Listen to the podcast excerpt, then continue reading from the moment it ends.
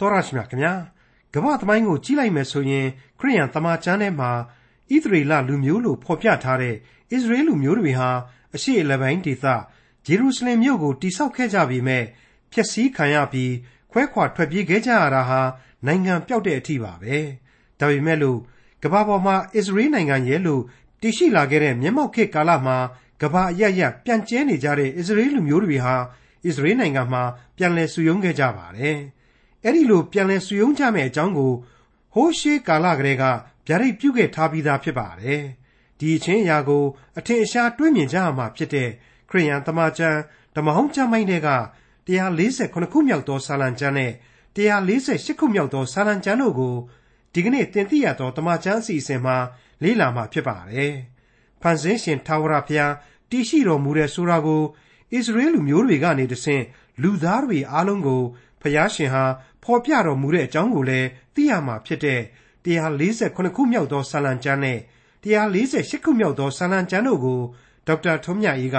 အခုလိုသုံးသပ်လေ့လာရှင်းလင်းဖော်ပြမှာဖြစ်ပါတယ်။မိတ်ဆွေတော်တတ်ရှင်တို့နဲ့ကျွန်တော်တို့သင်သိရသောတမန်ကျမ်းအဖွဲ့ဟာဟာလေလုယဆာလံတီခြင်းများအကြောင်းကိုလေ့လာလျက်ရှိနေပါတယ်။ဒီကနေ့ဒီအချိန်မှာတော့တံပြိုင်တေးဆာလံလို့ခေါ်မယ်ဟာလေလုယကိုရစ်တပုတ်အကြောင်းကိုကျွန်တော်တို့ဆက်လက်လေ့လာသွားကြဖို့ရှိပါတယ်။ အဲ့ဒါကတော့148ခုမြောက်သောဆာလံတည်ခြင်းဖြစ်ပါတယ်။အခြေခံအားဖြင့်ယေရုရှလင်မြို့တော်နှင့်လောကမြေပေါ်မှာဘုရားသခင်ဤကောင်းမြတ်တော်မူခြင်းအတွက်ဟာလေလုယမွဲ့ဆိုကြဆိုတဲ့တခြင်းတပုတ်ပါပဲ။148ခုမြောက်သောဆာလံ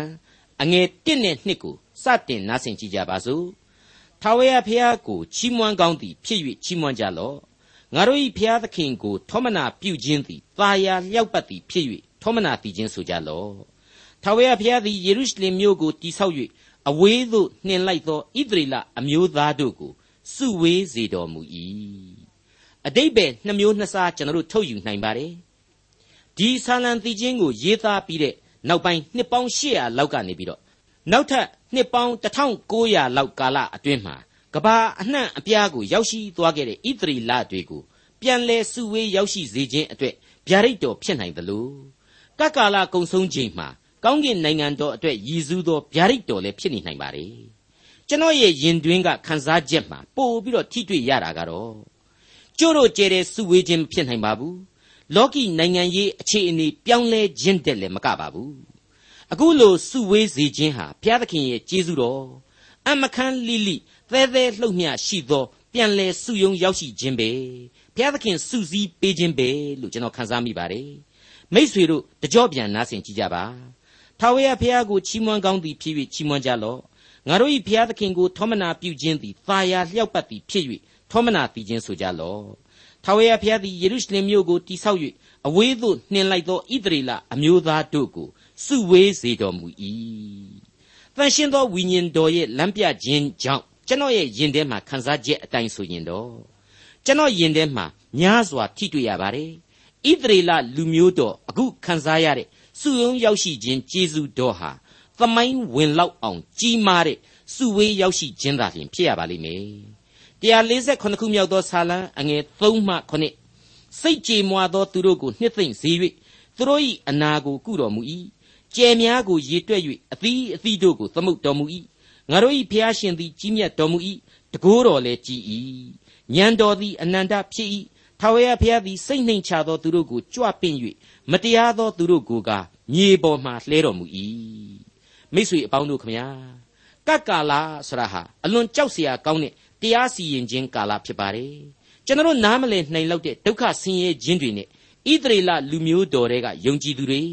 တပါးမျိုးသားတွေကမှဘုရားသခင်ကိုပြောင်းလဲယုံကြည်သူတွေဟာရင်ဆိုင်ကြရလိမ့်မယ်အဲ့ဒီလိုယုံကြည်သူတွေအတွက်ခံစားရဒုက္ခဝေဒနာတွေကို ဘုရားသခင်ဟာကျေးဇူးတော်ကြောင့်ငြိမ်းချမ်းစေမယ်ပျောက်ကင်းစေမယ်လို့အခုဆာလံဟာဖော်ကျူးလိုက်ပါတယ်မိษွေတော်တတ်ရှင်အပေါင်းတို့လူသားတို့ရဲ့ရုပ်ဘဝဝိညာဉ်ဘဝတို့ကိုလက်ဖြစ်တော်ဆိုသလိုကဲတင်နိုင်တော်မူသောသခင်ဟာအခြားဘာနဲ့မှနှိုင်းเสียမရှိတဲ့အကျွင်းမဲ့တကိုးတော်ရှင်ဖြစ်ပါတယ်စัจ java လာအနန္တအတွင်းကကျဲစင်နက်ခတ်ဘယ်နှလုံးရှိတယ်ဆိုတာကိုသူသိတော်မူပါတယ်အဲ့ဒီကျဲတလုံးစီ ဂျိုတစ်ခုစီအတွက်ကိုတောင်မှအမိနာမတွေကိုလေသူသတ်မှတ်ပေးထားပါတယ်ကျဲများကိုရေတွဲ့၍အသီးအသီးတို့ကိုသမုတ်တော်မူ၏တဲ့မရှင်းဘူးလားမိษွေတော်တတ်ရှင်အပေါင်းတို့ဒီကနေ့ဒီအချိန်မှဆိုရင်နက္ခတ္တဗေဒအတတ်ပညာဟာအတော်ထွန်းကားတိုးတက်လာနေပါတယ်ဘယ်အတိတ်ကာလတုန်းကကဘာနာကိုတစ်ခေါက်ရောက်ခဲ့ဘူးတဲ့ဘယ်ဂျူကြီးဟာဖြင့်ကဘာနာကိုဘယ်နှစ်ဘယ်ရက်မှာ တကြော့ပြန်ပြန်ပြီးရောက်ရှိလာမယ်ဆိုတာကိုလူသားတွေဟာတွက်ဆနိုင်တဲ့အဆင့်အတန်းအထိရောက်ရှိလာပါတယ်တစ်ချိန်တည်းမှာသိပ္ပံပညာရှင်ကြီးတွေအထူးကျွန်းကျွန်းကျင်ကျင်သိလာတဲ့အချက်ကတော့အဲ့ဒီစัจ java ဝလာကြီးဟာအတိုင်းအဆမရှိဘူးနှိုက်လို့ဘယ်တော့မှမဆုံးနိုင်လောက်အောင်ကြဲပြောနေဆိုင်တယ်ဆိုတဲ့သစ္စာတရားပဲဖြစ်ပါတယ်ဟုတ်ပါတယ်မိတ်ဆွေအပေါင်းတို့အဲ့ဒီသစ္စာတရားဟာဘုရားသခင်ရဲ့လက်တော်တဲကလာတာပါ148ခုမြောက်သောဆာလံ အငယ်9မှ17ဂုံတော်ကိုချီးမွမ်းလျက်ထာဝရဘုရားရှိတော်၌တည်ခြင်းဆိုကြလော့စောင်းတီး၍ငါတို့၏ဘုရားသခင်ကိုထောမနာတည်ခြင်းဆိုကြလော့ကောင်းကင်ကိုမိုးတိမ်များနှင့်ဖုံးလွှမ်းသဖြင့်မြေကြီးဖို့မိုးရေကိုပြင်ဆင်၍တောင်များပေါ်မှမြက်ပင်ကိုပေါက်စေတော်မူ၏မြည်ရသောကြီးကန်းကလေးမှစ၍တိရစ္ဆာန်များတို့ကိုကျွေးမွေးတော်မူ၏မြင်းဤခွန်အားနှင့်လူဤလျင်မြန်ခြင်းကိုအာရနှစ်သက်တော်မူခြင်းမရှိ ကြောက်ရွံ့သောသူနှင့်ဂယုနာတော်ကိုမျှော်လင့်သောသူတို့ကိုထာဝရဘုရားနှစ်သက်တော်မူ၏ဘုရားသခင်ရဲ့ထာဝရအသက်လမ်းနဲ့ကယ်တင်ခြင်းတရားဟာဝိညာဏလူသားတို့အတွက်ဗဟိုပြုထားပါတယ်မန်တိုင်ပြုထားပါတယ်အဲ့ဒီလူသားကိုမင်းတို့ကပိုင်စေမင်းတို့ကအုပ်ဆိုးစီပွားများပြည့်နှက်စေဆိုပြီးတော့မြေကြီးပြင်ကိုအဲ့ဒီလူသားအတွက်အနှင်းပေးထားပါတယ်ဒါကြောင့်ကျွန်တော်လူသားကဘာနဲ့အနီးကပ်ဆုံးသောအရာကလေးတွေကိုပဲ ဘုရားသခင်ကလှည့်ကြည့်စေလိုက်ခြင်းပဲဖြစ်တယ်လို့ကျွန်တော်ခံယူမိပါတယ်ဟုတ်ပါတယ်ဖျားသခင်ကိုစောင်းတီး၍တည်ခြင်းဆိုကြလော့ကောင်းကင်ကိုမျှော်ကြည့်မိုးတိမ်များကိုကြည်မင်းတို့အတွက်မိုးရေကိုပြင်ဆင်ပြီးတော့မြက်ပင်တွေကိုပေါက်စီတော်မူတယ်မင်းတို့အတွက်ကြီးကန်းကလေးကစပြီးတရိษံတွေကိုဖန်ဆင်းပေးထားပြီးတော့ငါကိုယ်တိုင်ကြွေးမွေးပြုစုတော်မူတယ်တစ်ချိန်တည်းမှာပဲနော်မြင်းဤခွန်အားနှင့်လူဤလျင်မြန်ခြင်းတို့ကိုမူ အာရနှစ်သက်တော်မူခြင်းမရှိဘူးတဲ့အဲ့ဒါဟာတခြားမဟုတ်ဘူးမာနကိုအလိုတော်မရှိဘူးကာယစွန့်ပကနဲ့ထောင်လွှားခြင်းကိုဘုရားသခင်မကြိုက်ဘူးသူ့ကိုကြိုးပဲ့ကြေမွာသောစိတ်နှလုံးနဲ့ကိုးကွယ်ဖို့သူ့ရဲ့ဂရုနာတော်ကိုအစဉ်မျှော်လင့်ကြဖို့သူ့ကိုနှိမ်ချသောသဘောထားနဲ့တိုးဝင်ချင်းကပ်ဖို့အတွက်ကိုသာသူပို့ပြီးတော့အလိုရှိတယ်ဆိုတာကိုရှင်းရှင်းကြီးပြောလိုက်တာပါပဲ148ခုမြောက်သောဆာလံအငယ်7မှ14အိုးယေရုရှလင်မြို့ ထာဝရဘုရားကိုချီးမွမ်းလော့အိုဇီးအောင်မြို့သင်၏ဘုရားသခင်ကိုချီးမွမ်းလော့အကြောင်းမူကားသင်ဤတကားဂလန့်တို့ကိုခိုင်မာစေ၍သင်ဤအထက်မှသားသမီးများကိုကောင်းကြီးပေးတော်မူ၏သင်ဤပြည်စွန်းပြည်နာမှအမှုအရေးကိုငြိမ့်စေ၍အကောင်းဆုံးသောစပားနှင့်သင်ကိုဝစွာကြွေးတော်မူ၏ကောင်းကင်နိုင်ငံတော်ကိုခရစ်တော်အုပ်ချုပ်တဲ့အချိန်မှာဇီးအုံမြို့တော်ကိုဗဟိုပြုပြီးတော့အုပ်ချုပ်သွားလိမ့်မယ် ယေရုရှလင်မြို့တော်ကြီးမှာစိုးစံလိမ့်မယ်ဆိုတာတွေကိုဗျာဒိတ်တော်မှာဖော်ပြထားပါတယ်ဒါဟာနှုတ်ကပတ်တော်ရဲ့အဓိကရအစိတ်အပိုင်းပေါင်းမြောက်များစွာကဖော်ပြတဲ့အနာဂတ်တည်ပဲဖြစ်ပါလေတကယ်တော့သူပြောလိုက်တဲ့ဗျာဒိတ်တော်တစ်ချက်ဟာဒီအရက်ဒေသအတွက်ချက်ချင်းအသက်ဝင်လှုပ်ရှားသွားစေခဲ့တယ်ကမ္ဘာသမိုင်းတစ်လျှောက်မှာပြန်ပြီးတော့လှည့်ကြည့်လိုက်မယ်ဆိုရင်အဲ့ဒီကာလရှည်ကြီးအတွင်းမှာကမ္ဘာလူဦးရေ80ကနေ80ရာခိုင်နှုန်းအထိရှိနေတဲ့ဘုရားသခင်ကိုယုံကြည်သူအပေါင်းတို့ဟာ ဒီဒေသအတွက်မဆုံးနိုင်တဲ့လူသားရဲ့မာနနဲ့စစ်ပွဲကြီးတွေဆင်နွှဲပြီးတော့သူ့ပိုင်နဲ့ငါပိုင်နဲ့စသဖြင့်အငင်းပွားနေခဲ့ကြပါတယ်အံ့ဩဖို့မကောင်းဘူးလားမိษွေတတရှင်အပေါင်းတို့ခမညာဘုရားသခင်ကတော့ရှင်းရှင်းလေးပဲဖော်ပြထားပါတယ်သူ့ကိုနှိမ့်ချယိုကျိုးသောစိတ်နဲ့ကိုးကွယ်ကြပါသူ့ကိုကျေးဇူးတော်ချီးမွမ်းပြီးတော့အစဉ်တစိုက်ယုံကြည်မှုရှိကြပါသူပေးတဲ့ကယ်တင်ခြင်းကျေးဇူးတော်ကိုလက်ခံကြပါ သူမာနကိုအလိုတော်မရှိပါဘူးကာယခွန်အားနဲ့ထောင်လွှားခြင်းကိုလည်းမနှစ်မြို့ပါဘူးအရေးအကြီးဆုံးအချက်ကတော့ဘုရားသခင်ဟာအသက်ရှင်တော်မူသောဘုရားသခင်ဖြစ်တော်မူတယ်။နံဝိညာဉ်ဖြစ်တော်မူတယ်။သူ့ကိုဗဟိုပြုပြီးတော့ကိုးကွယ်လို့ရှိရင်လူသားဟာသာဝရအသက်ကိုရမယ်။သူပေးတဲ့ကောင်းကင်အမွေစည်းစိမ်ကိုခံစားရလိမ့်မယ်။သူဟာကောင်းကင်နိုင်ငံတော်ကိုမြေပေါ်မှာလာရောက်အုပ်ချုပ်ပြီးတော့ သူ့ရဲ့တရားစီရင်ခြင်းအပြင်ကပ်ကာလကိုကုံဆုံးစေလိမ့်မယ်။သူဟာကောင်းကင်နိုင်ငံတော်ကိုမြေပေါ်မှာလာပြီးအုပ်ချုပ်တဲ့အချိန်မှာဗဟိုပြုလို့ရှိရင်ယေရုရှလင်ကိုဗဟိုပြုမယ်ဇီးအောင်တောင်တော်ကိုဗဟိုပြုမယ်လို့သူဗျာဒိတ်ပြုနေတဲ့အချိန်မှာပဲစัจ java လာအနန္တတစ်ခုလုံးဟာလေသူ့လက်တော်ထဲမှာပဲရှိနေတယ်ဆိုတာကိုကျွန်တော်မျက်ခြေပြတ်ခံလို့မရဘူးသူ့ရဲ့ဝိညာဉ်တော်နဲ့လွတ်စေဖို့ရန်အတွက်ကျွန်တော်ဘယ်ဆိုဘယ်ကိုမှလွတ်အောင်ရှောင်ပုန်းလို့မရနိုင်ဘူးဆိုတဲ့အချက်ကို 139ခုမြောက်သောဆာလံတည်ခြင်းမှာကျွန်တော်တို့တွေ့ကြရပြီးသားပါဒီတည်ခြင်းကိုမိษွေတို့အစဉ်တစိုက်လေ့လာဖတ်ရှုပြီးတော့ခွန်အားယူတိုက်လှတယ်လို့ကျွန်တော်တင်ပြခြင်းပါတယ်အဲ့ဒီအတွင်းတွေကဝိညာဉ်တော်နှင့်လွတ်ခြင်းအလုံးငှာအဘယ်အရတ်သို့သွားနိုင်ပါမည်နည်းဆိုတဲ့မိကွန်းလေးကိုကျွန်တော်အင်မတန်နှစ်သက်မိပါတယ်139ခုမြောက်သောဆာလံရဲ့အသေးအသက်အပိုင်းလို့ကျွန်တော်ခံယူမိပါတယ်ပြီးတော့မှဆက်လက်ပြီးတော့မျက်နာတော်နှင့်လွတ်ခြင်းအလို့ငှာအဘယ်အရတ်သို့ပြေးနိုင်ပါမည်နည်း ကောင်းကင်သို့တက်လျင်ကိုတော်ရှိတော်မူ၏မရဏနိုင်ငံ၌အိယာကိုခင်းလျင်ကိုတော်ရှိတော်မူ၏နတ်နဲ့အတောင်တို့ကိုယူ၍သမုတ်တရားဇွန်း၌နေလျင်ထိုအရ၌ပင်ကိုတော်၏လက်သည်အကျွန်ုပ်ကိုပို့ဆောင်လျက်လက်ရလက်တော်သည်ကင်လျက်ရှိပါလိမ့်မည်တဲ့အဲ့ဒီလိုဖော်ပြထားတာကိုတွေ့ကြရပါတယ်မိษွေတော်တတ်ရှင်အပေါင်းတို့ဒါကြောင့်မလို့ဘုရားသခင်ကိုယုံကြည်ကိုးစားသူကျွန်တော်ကျမတို့အတွက်သူချထားပေးရအရက်မှာသူပေးသောအသက်တာကိုသူ၌ယုံကြည်ခြင်းအပြင်ရှင်သန်ဖို့သာဖြင့် အရေးအကြီးဆုံးလိုအပ်ချက်ဖြစ်တဲ့အကြောင်းလေးစားစွာတင်ပြလိုက်ပါရစေ148ခုမြောက်သောဆာလံအငယ်15မှ20အဆုံးအကြည့်မြေကြီးပေါ်သို့ဗျာဒိတ်တော်ကိုလွှတ်တော်မူ၏နှုတ်ကပတ်တော်သည်အလျင်အမြန်ပြေးတတ်ပါ၏နှင်းပွင့်ကိုသိုးမွေးကဲ့သို့ချတော်မူ၏နှင်းကဲကိုလည်းပြာကဲ့သို့ဆွတ်ဖြူတော်မူ၏မိမိမိုးသည်ကိုစနုပ်စပေါက်ကဲ့သို့လွှတ်တော်မူ၍ချမ်းစေတော်မူခြင်းကိုအဘယ်သူခံနိုင်သနည်း တဖန်နှုတ်ကပတ်တော်ကိုလွှတ်၍ထိုမိုးပွင့်အစရှိသည်တို့ကိုအေကြိုတော်မူ၏မိမိလေကိုလာစေတော်မူသဖြင့်ရေတို့သည်စီးကြ၏နှုတ်ကပတ်အမိန့်တော်ကိုယာကုပ်အမျိုး၌၎င်းစီရင်ထုံးဖွဲ့တော်မူချက်များကိုဣသရေလအမျိုး၌၎င်းဖော်ပြတော်မူ၏အခြားတစ်ပါးသောအမျိုးသားတို့၌ထိုသို့ပြုတော်မမူစီရင်တော်မူချက်များကိုသူတို့မသိရကြဟာလေလုယာဗျာဒိတ်တော်များကိုဣသရေလလူမျိုးတော်ကနေလူမျိုးတိုင်းကိုသိစေခဲ့ပါတယ် ပရိညင်အထုံးဖွဲ့တော်တို့ကိုလည်းရွေးကောက်တော်မူသောလူမျိုးတော်သို့မဟုတ်ဣသရေလလူမျိုးတော်ကနေပြီးတော့သာကျွန်တော်ကျမတို့ကိုသွန်သင်ပေးခဲ့ခြင်းဖြစ်ပါတယ်ဒါကြောင့်မလို့လေလူမျိုးတော်ရဲ့တည်ရှိခြင်းလူမျိုးတော်အတွက်သီးသန့်အစီအမံများလူမျိုးတော်အတွက်သီးသန့်ဗျာဒိတ်များတို့ကိုကျွန်တော်နားမလည်နိုင်တာတွေအများကြီးရှိပါတယ်သို့တော်လည်းကျွန်တော်ဆန့်ကျင်လို့မရနိုင်ပါဘူးဒါကြောင့်မလို့ဆာလံတီချင်းအဖြစ်ပြက်ပြက်သားသားကြီးညာလိုက်တာကတော့ ဘုရားသခင်ဤစီရင်တော်မူချက်တို့ကိုကျွန်တော်သိခွင့်မရှိသိဖို့ရန်လည်းမလိုကျေးဇူးတော်ကိုချီးမွမ်းဖို့ရန်သာအဓိကလိုအပ်တဲ့အကြောင်းပဲဖြစ်ပါတယ်သောတာရှင်မိတ်ဆွေအပေါင်းတို့ခမညာအခုအချိန်မှာတော့148ခုမြောက်သောဆာလံကိုကျွန်တော်ဆက်လက်တင်ပြသွားလိုပါတယ်အလွန်လှပတဲ့ဂုံတော်ချီးမွမ်းခြင်းတေးတစ်ပုဒ်ဖြစ်ပါတယ်ဝိညာဉ်ခွန်အားများစွာရရှိစေမယ့်ချီးမွမ်းသံများအဖြစ်နားဆင်နိုင်ပါတယ်148ခုမြောက်သောဆာလံအငယ်1မှ6 ကောင်းကင်ဘုံ၌ထာဝရဘုရားကိုချီးမွမ်းကြလော့ဘဝက်ပေါ်မှာချီးမွမ်းကြလော့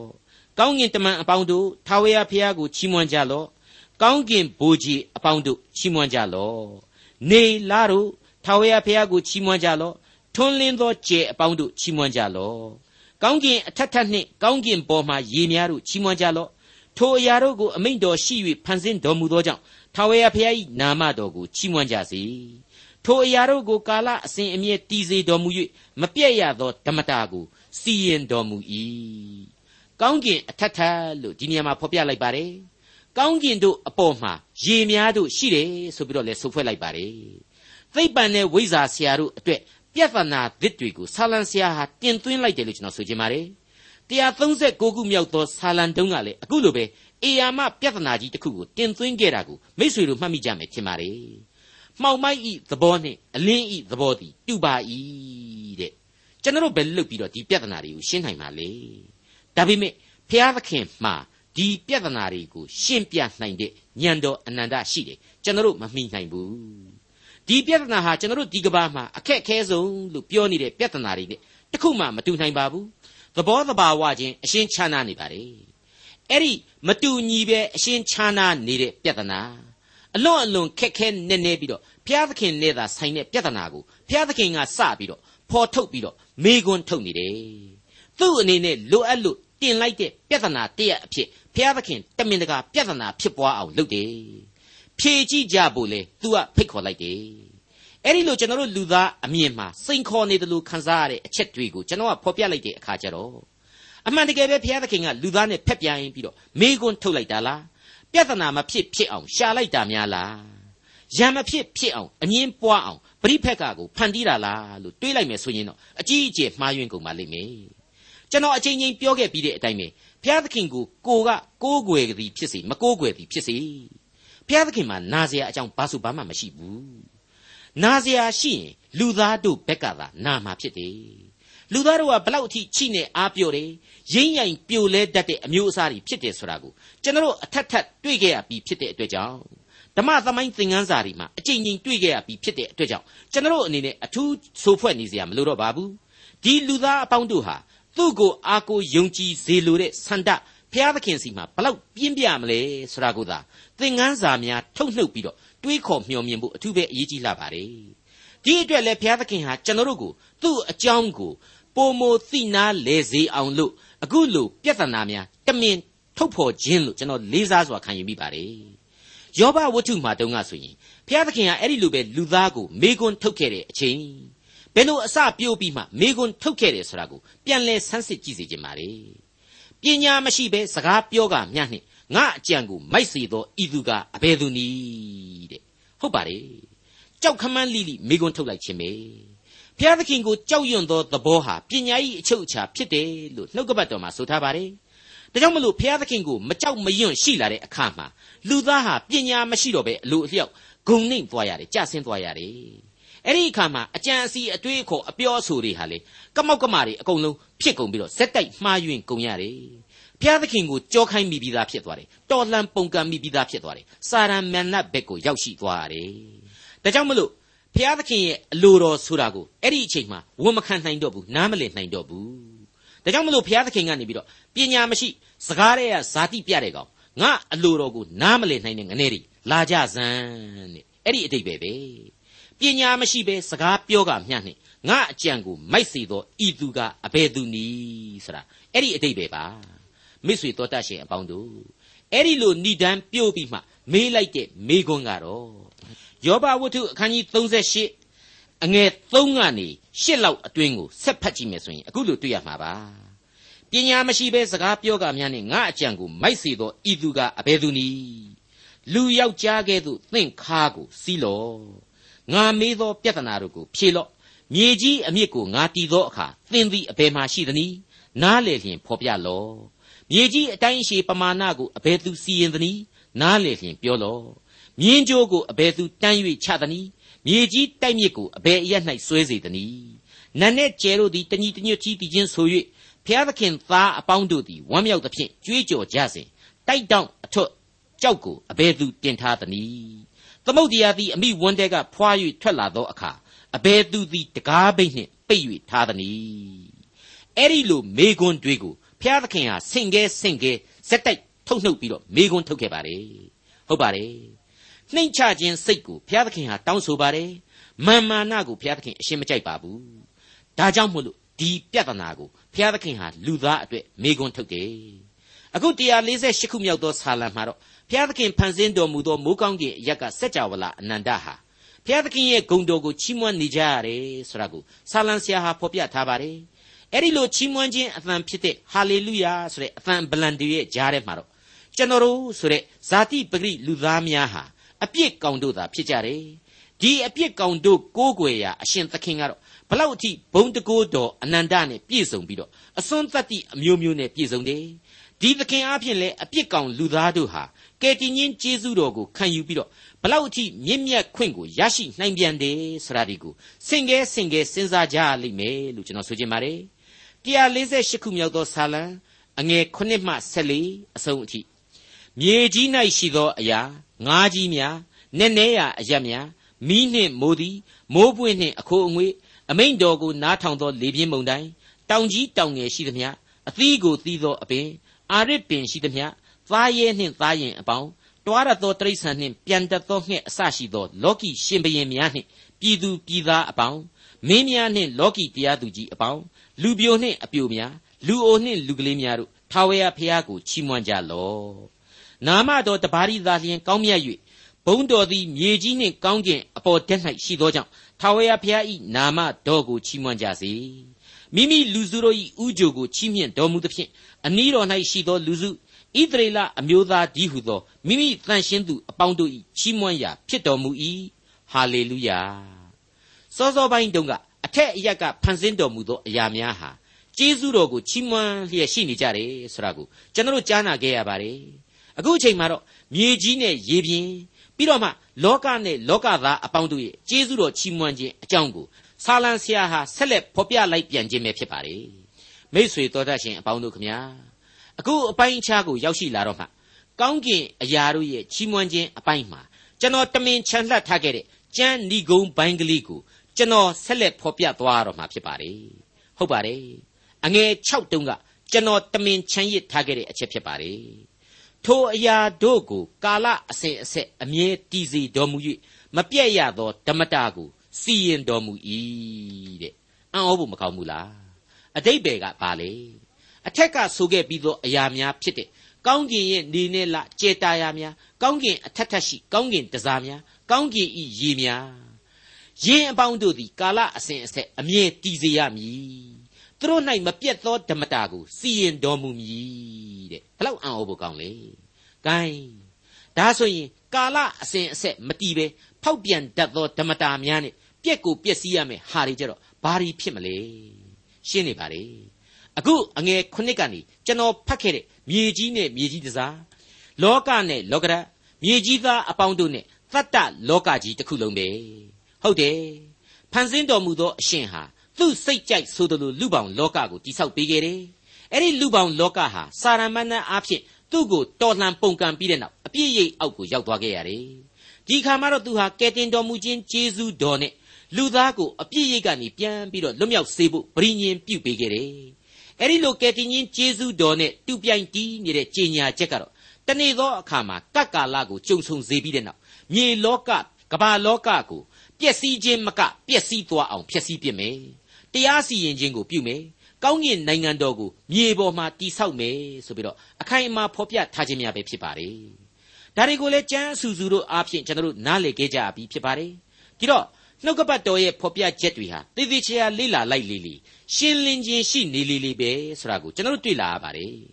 မငင်းနိုင်သောတရားများဖြစ်လာကြတယ်ဆိုတာကိုခိုင်မာစွာသိလာရပါတယ်မိษွေတော်တတ်ရှင်အပေါင်းတို့ခမညာမပြည့်စည်နိုင်သောဓမ္မတာ ပျက်စီးနိုင်သောဓမ္မတာစသဖြင့်သူ့ရဲ့အကန့်အသတ်တွေဟာလေနှုတ်ကပတ်တော်ကသိစေခြင်းတလောက်ကိုသာကျွန်တော်တို့သိနာလေခွင့်ရရှိပြီးတဲ့နောက်အသေးစိတ်စံချိန်မှီနိုင်လောက်အောင်ကျွန်တော်ရှင်းမပြတတ်ပါဘူးဘယ်ပညာရှင်တို့ကမှလေဒါကိုရှင်းပြနိုင်လိမ့်မယ်လို့ကျွန်တော်မယုံကြည်ပါဘူးအကယ်၍များရှင်းပြနိုင်တယ်ဆိုပြီးတော့ကျွန်တော်ကိုလာပြောရင်ကျွန်တော်မယုံပါဘူးမိษွေတို့ကိုလာပြောရင်လေမိษွေတို့မယုံကြည်ကြပါနဲ့စီရင်တော်မူချက်သည်နည်းနည်းလှပေ၏ဆိုတဲ့အချက်ကို ဝန်ခံယုံကလွဲပြီးတော့ကျွန်တော်လူသားဘာဆိုဘာမှမတတ်နိုင်ပါဘူး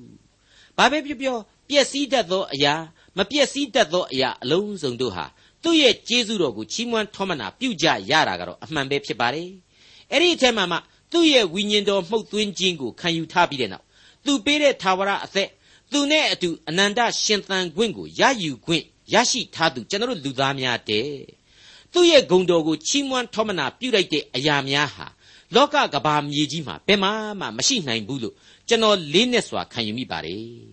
မြေကြီး၌ရှိသောအရာငါးကြီးများနက်နဲရအရက်များမီးနှင့်မိုးသည်မိုးပွေနှင့်အခိုးအငွေ့အမိန်တော်ကိုနားထောင်သောလေပြင်းမုန်တိုင်းတောင်ကြီးတောင်ငယ်ရှိသမျှအသီးကိုသီးသောအပင်အာရစ်ပင်ရှိသမျှ